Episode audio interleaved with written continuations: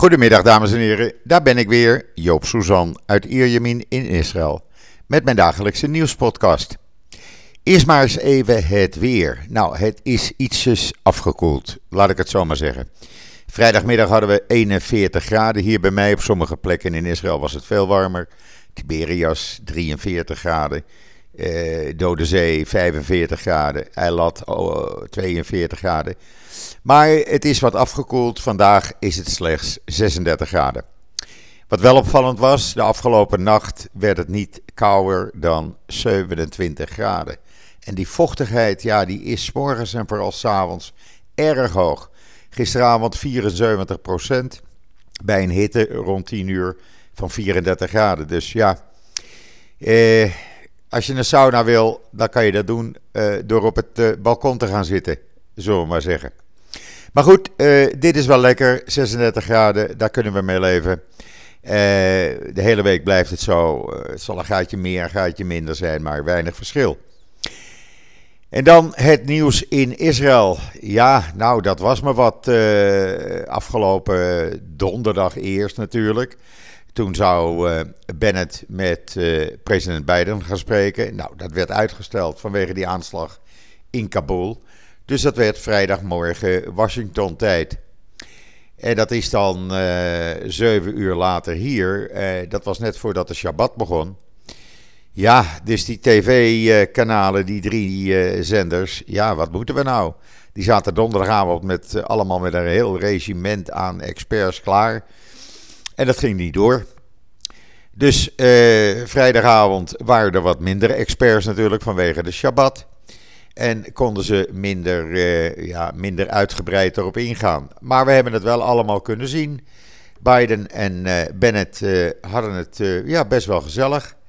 Uh, zoals Biden zegt, alle, of eh, Bennett zei, alle doelen die we hadden gesteld, die zijn uh, bereikt. Het gesprek zou 25 minuten duren, maar bleek uiteindelijk 50 minuten te zijn. Nou, dat is al goed teken natuurlijk.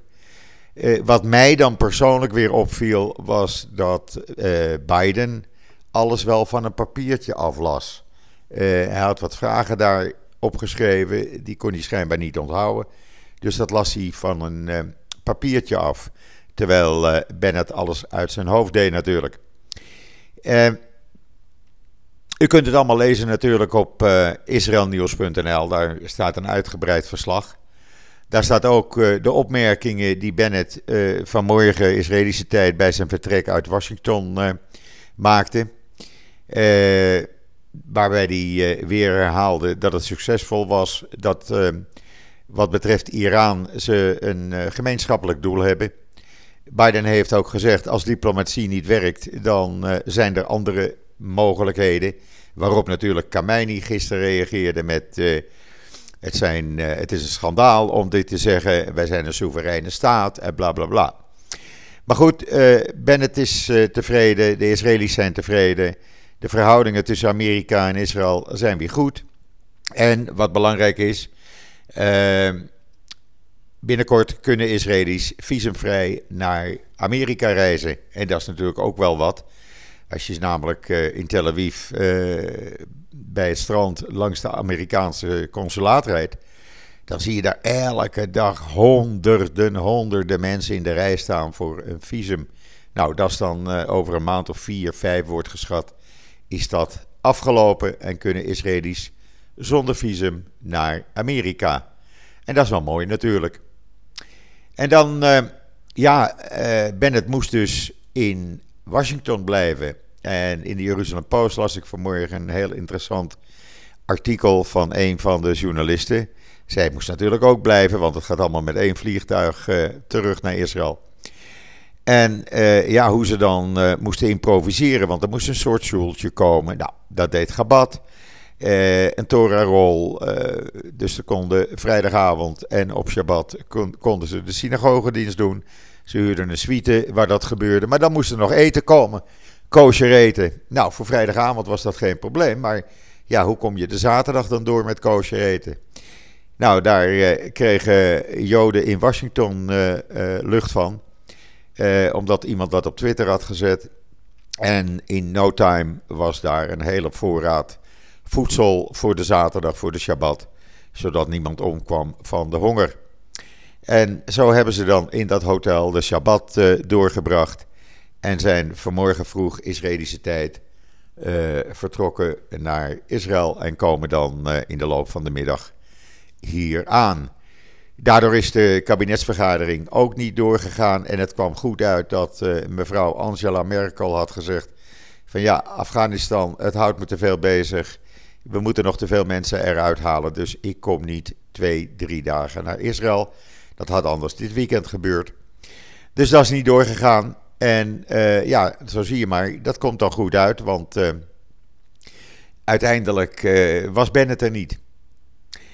En dan hebben we afgelopen nacht, of gisteravond eigenlijk, begonnen er opeens uh, brandende ballonnen uh, vanuit Gaza weer richting Israël te komen. Er zijn twee bosbranden ontstaan. Die zijn gelukkig geblust, die konden ze snel blussen. Uh, en daarna werden er allerlei explosieven en molotovcocktails over het grenshek gegooid. En Hamas liet weer lekker de mensen rellen. Nou, daar heeft de IDF dan weer op gereageerd door uh, een aantal doelen in uh, Gaza aan te vallen van Hamas. Omdat Hamas als verantwoordelijke wordt beschouwd. u kunt de video zien op israelnieuws.nl van die aanvallen. Ja, en Hamas wil rottigheid. Ze hebben aangekondigd dat ze vanaf vanmiddag, de loop van de middag, dan weer opnieuw zullen gaan rellen en waarom ze dat nou doen, ja, niemand die het meer weet, want het geld uit Qatar, daar is een oplossing voor. Dat komt inmiddels uh, Gaza in maandelijks. Zo'n 50, 60 miljoen dollar elke maand. Uh, er zijn een paar duizend handelaren uit Gaza die inmiddels in Israël hun handel kunnen doen.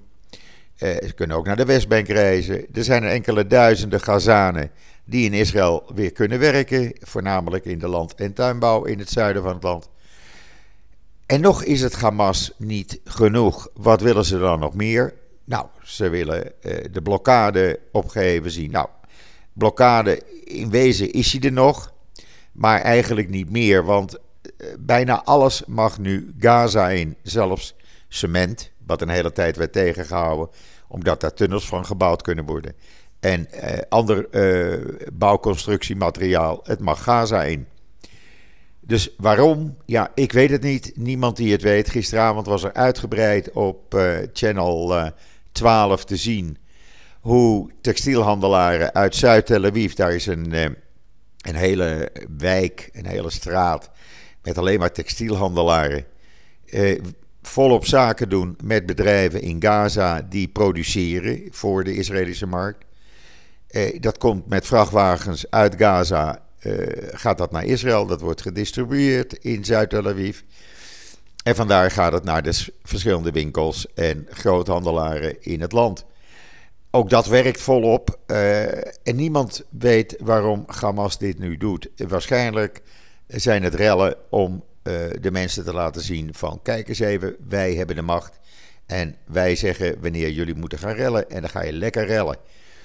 Maar de inwoners van Gaza, die worden daar geen cent wijzer van. En uh, die willen werken. Nou, dat kunnen ze dan in die fabrieken, die dan weer voor de Israëlische markt werken. Maar als uh, Hamas weer laat rellen, dan komen er weer aanvallen van de IDF. Dan is er weer geen stroom. En dan kunnen die fabrieken weer niet werken. En zijn er weer duizenden mensen zonder werk in Gaza. Dus wat Hamas nu probeert te bereiken, ik zou het niet weten. En zelfs de experts op televisie, die uh, ja, breken hun hoofd erover, want die zeggen ja, wij weten het ook niet meer. Uh, ze willen uiteindelijk natuurlijk een regeling hebben. Maar Israël heeft als voorwaarde gesteld: eerst de twee stoffelijke overschotten van de soldaten uit 2014, die moeten vrij. En de twee uh, mentaal gestoorde Israëli's die gevangen zitten, die moeten ook vrij. En daarna gaan we wel eens even met jullie praten. Nou, Hamas wil dat niet. Ja, nou dan is het kringetje rond. En dan, uh, ja, dan gebeurt er verder niks. We houden het voor u bij, laat ik het maar zo zeggen. Dan eventjes over het coronavirus. Om het heel simpel te zeggen, op zaterdag zijn er altijd iets minder besmettingen. Vrijdag waren er 8400. donderdag waren het er 8000 ruim. zaterdag waren dat er 7071. De R-waarde is gedaald van ruim 2 naar 1,1 en het blijft dalen. Dat ziet er goed uit. Het positiviteitspercentage is 7,09%. En dat baart wel zorgen, omdat de scholen op 1 september gaan beginnen. Uh, dat zou betekenen dat er veel besmettingen onder scholieren zullen gaan volgen. Vandaar ook dat de testkits uh, worden uitgedeeld aan alle ouders uh, om een indicatie te krijgen. Uh, er zijn plannen voor vaccinaties op scholen. Nou ja, men probeert van alles, maar kinderen onder de 12 zijn niet gevaccineerd. En u weet, ik heb het al een paar keer eerder gezegd. Uit testen is gebleken, serologische testen, dat ongeveer 20% van de jongeren hebben het virus gehad zonder het te weten, maar konden in die tijd wel anderen besmetten. En dat is natuurlijk het gevaar. Vandaar dat er nog steeds wordt gezegd, ook met Rosh Hashanah, als je boven de 60 bent, ga niet in een binnenruimte met kinderen onder de 12 jaar, want je weet het niet. Ik weet ook niet wat ik ga doen met Rosh of ik alleen blijf of dat we iets buiten organiseren. We zijn er nog niet uit. Eh, we zullen wel zien. We hebben wel het plan in ieder geval om op de dinsdag na Rosh dat is uh, de dinsdag 6 september, om dan met de hele familie een grote barbecue op het strand te gaan doen in Tel Aviv. En dat is wel leuk natuurlijk. Maar goed, het, het gaat wel de goede kant op wat betreft die besmettingen. Want uh, overwegend zijn het lichte gevallen, omdat iedereen gevaccineerd is. Er zijn nu bijna 2 miljoen mensen ook voor de derde keer gevaccineerd. Daaronder is een enorme daling in het aantal besmettingen, vooral onder de 50 en 60-plussers. Er wordt nu gevaccineerd vanaf 30 jaar en men verwacht binnen twee weken ook kinderen vanaf 12 jaar, of jongeren vanaf 12 jaar moet ik zeggen, dat die gevaccineerd gaan worden. Wat opvallend is volgens het ministerie van Volksgezondheid, dat er sinds uh, het begin van de maand augustus ruim 300.000 uh, uh, niet gevaccineerden, mensen die zich niet wilden vaccineren, die hebben zich aangemeld om gevaccineerd te worden. En die zijn nu ook voor de eerste keer gevaccineerd. 60.000 alleen al verleden week antifaxers die zich toch hebben laten vaccineren nu. En waarom? Nou, uh, ja, het wordt duidelijk uit alle cijfers dat uh, de mensen die overlijden en de mensen die kritiek zijn en ernstig ziek zijn, dat zijn overwegend niet gevaccineerde 50-plussers, 60-plussers en jongeren rond de 30 jaar. En dat is opvallend. Er zitten ook gevaccineerde mensen tussen, maar na een paar dagen verlaten die het ziekenhuis weer. En er zijn maar heel weinig die echt kritiek liggen als ze al twee keer gevaccineerd zijn. Uh, van de derde, uh, van de mensen die voor drie keer gevaccineerd zijn, is het iets van 0,08% wat besmet zou kunnen raken of is geraakt. Dus dat ziet er allemaal goed uit. Maar er zijn nog steeds zo'n kleine 1 miljoen Israëli's die zich niet, althans nog niet, laten vaccineren. En daar zit natuurlijk het probleem. Maar goed, we gaan, uh, we gaan kijken wat er eh, in de komende dagen gebeurt. Of die daling zich doorzet, et cetera. Ik zag wel dat in Nederland uh, het aantal patiënten langzaam weer toeneemt. Dus ja, toch maar een mondkapje op en afstand houden zoals wij hier doen. En dan een artikel op israelnieuws.nl over een vlieg die de planeet kan redden. En dan zult u denken, waarom kan een vlieg de planeet redden? Nou, uh, dat is een, uh, een start-up, een Israëlische start-up, die uh, de Zuid-Amerikaanse zwarte soldaatvlieg als milieubestrijder heeft opgesteld. Milieustrijder zou je het ook kunnen zeggen, om te helpen de broeikasgassen te verminderen en tegelijk eiwitrijk diervoeder te produceren, zodat we van dat in de fabrieken gemaakte diervoeder af zijn. Dat is een heel uh, lang verhaal. Het wordt er helemaal uitgelegd uh, hoe dat werkt. Uh, het komt erop neer dat de larven van die vlier, die zitten boordevol eiwitten, tot 50% van hun droge gewicht. En die kunnen worden omgezet in een verscheidenheid aan producten. bijvoorbeeld vismeel kan worden vervangen door dat eiwitmeel van deze vliegen. Vismeel wordt veel gebruikt als voer, voer voor varkens, pluimvee, etc. Nou, daar, daar bestrijd je dus een heleboel ja, milieuproblemen gelijk mee.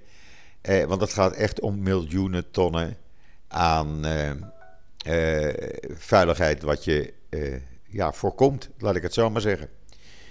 Dus ja, dat is weer iets wat een Israëlische start-up nu doet. Het is in productie. lees het artikel, zou ik zeggen, op Israël Nieuws. En ja, dan weet u hoe dat werkt. En dan na internationale protesten heeft de gemeente Amsterdam uiteindelijk besloten het schilderij van Wassili Kandinsky terug te geven, genaamd Painting with Houses, terug te geven aan de erfgenamen uh, van de Joodse familie die het onder dwang tijdens de Tweede Wereldoorlog heeft moeten verkopen. Irma Klein, verkocht, Irma Klein en haar man verkochten dat eh, om de Holocaust te overleven. Ze kregen daar omgerekend 1600 euro voor, terwijl het schilderij op dit moment minstens 22 miljoen dollar waard is. Eh, er waren enorm veel protesten, internationaal en ook in Nederland. En eh, dat heeft jaren geduurd. Er zijn rechtszaken gevoerd. Eh, de gemeente Amsterdam zei altijd: ja, maar het is het algemeen belang om het schilderij in het Stedelijk Museum te laten zien. En dat weegt zwaarder dan dat van de familie.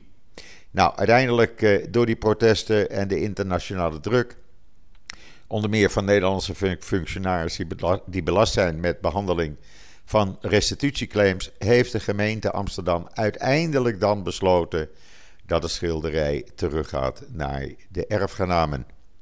Mogelijk dat het toch dan, uh, als het hun eigendom is, uh, in het museum blijft hangen. Maar dan heb je dus een andere situatie. Ja, en wat hebben we voor de rest nog voor nieuws in Israël? Nou, uh, buiten het feit, zoals ik al zei, dat het heet is. Ja, de scholen beginnen 1 september. 1 september is altijd de dag waarop de scholen beginnen. En of dat nou op een woensdag of een donderdag is, het maakt niet uit. 1 september beginnen de scholen. Dus wat zie je in de winkels? Enorme stellages in de loopruimten opgesteld met schooltassen. En dat staat er al weken, schooltassen. Want hier dragen ze de kinderen allemaal rugtassen of uh, roltassen om hun boeken elke dag en schriften elke dag van en naar school te nemen. Uh, anders dan in Nederland, waarin je het op school laat. Maar hier gaan er dus enorme rugzakken mee. En dat begint al bij de eerste klas van de lagere school. Dus ja, die ouders eh, die zijn het een beetje zat nu. Die willen dat die kinderen weer naar school gaan. Zodat ze ook weer hun leventje kunnen oppakken. Alleen wat opvalt deze maand, september. Ik zei het al eerder, de Joodse feestdagen beginnen maandag over een week. S'avonds, uh, de avond van 6 september begint het Joods nieuwe jaar, Rosh Hashanah. En dat betekent dat gedurende de maand september we uh, niet alleen Rosh Hashanah hebben, maar ook Yom Kippur, Grote Verzoendag dus. En daarna acht dagen Loofhuttenfeest, daarna Simchat Torah. Het betekent dat uiteindelijk zitten de leerlingen maar zes dagen in de hele maand september op school. Het is niet anders. En uh, ja, er waren stemmen opgegaan om het uit te stellen tot 1 oktober. Maar daar protesteerden de ouders weer tegen. Want die zeggen: ja, wij willen nou ook wel eens een keer onze eigen gang gaan. We moeten ook weer werken. En eh, elke keer eh, eh, opa en oma laten oppassen. Het wordt een beetje te veel. Dus, nou ja, 1 september gaat dus iedereen naar school. Dan weet u dat ook weer. En uh, ja, zo zit het begin van deze nieuwe week, werkweek in Israël eruit. Want u weet, in Israël beginnen we op zondag met werken. Dan, uh, ja, vanmiddag Max Verstappen. Ik verheug mij erop. Ik heb gisteren die kwalificatie zitten kijken. Ja, mensen, wat een regen, wat een regen. Ik hoop dat het vandaag toch wat droger is. Ik weet het niet in uh, Spa. Maar wat ik gisteren zag en dan al die mensen in die regen onder paraplu's in hun tentje, voor hun tentje. Nou, daar betaal je dan honderden euro's voor. Dan kijk ik het liever toch rechtstreeks via een van de sportzenders in Israël. Ik, eh, ik ga er in ieder geval eh, hopelijk van genieten en u allemaal als u dat eh, gaat kijken. En natuurlijk hopen we dat eh, Max Verstappen gaat winnen. Hij start in ieder geval vanaf pole position. Rest mij u nog allemaal een hele fijne voortzetting van deze zondag, de 29 augustus, toe te wensen. Ik ben er morgen weer met een heel mooi interview, hoop ik te maken morgen, met Joosje Ascher, de dochter van Eli Asser, de beroemde Amsterdamse schrijver. Eh, dat wordt morgen. En zeg ik zoals altijd, tot ziens, tot morgen.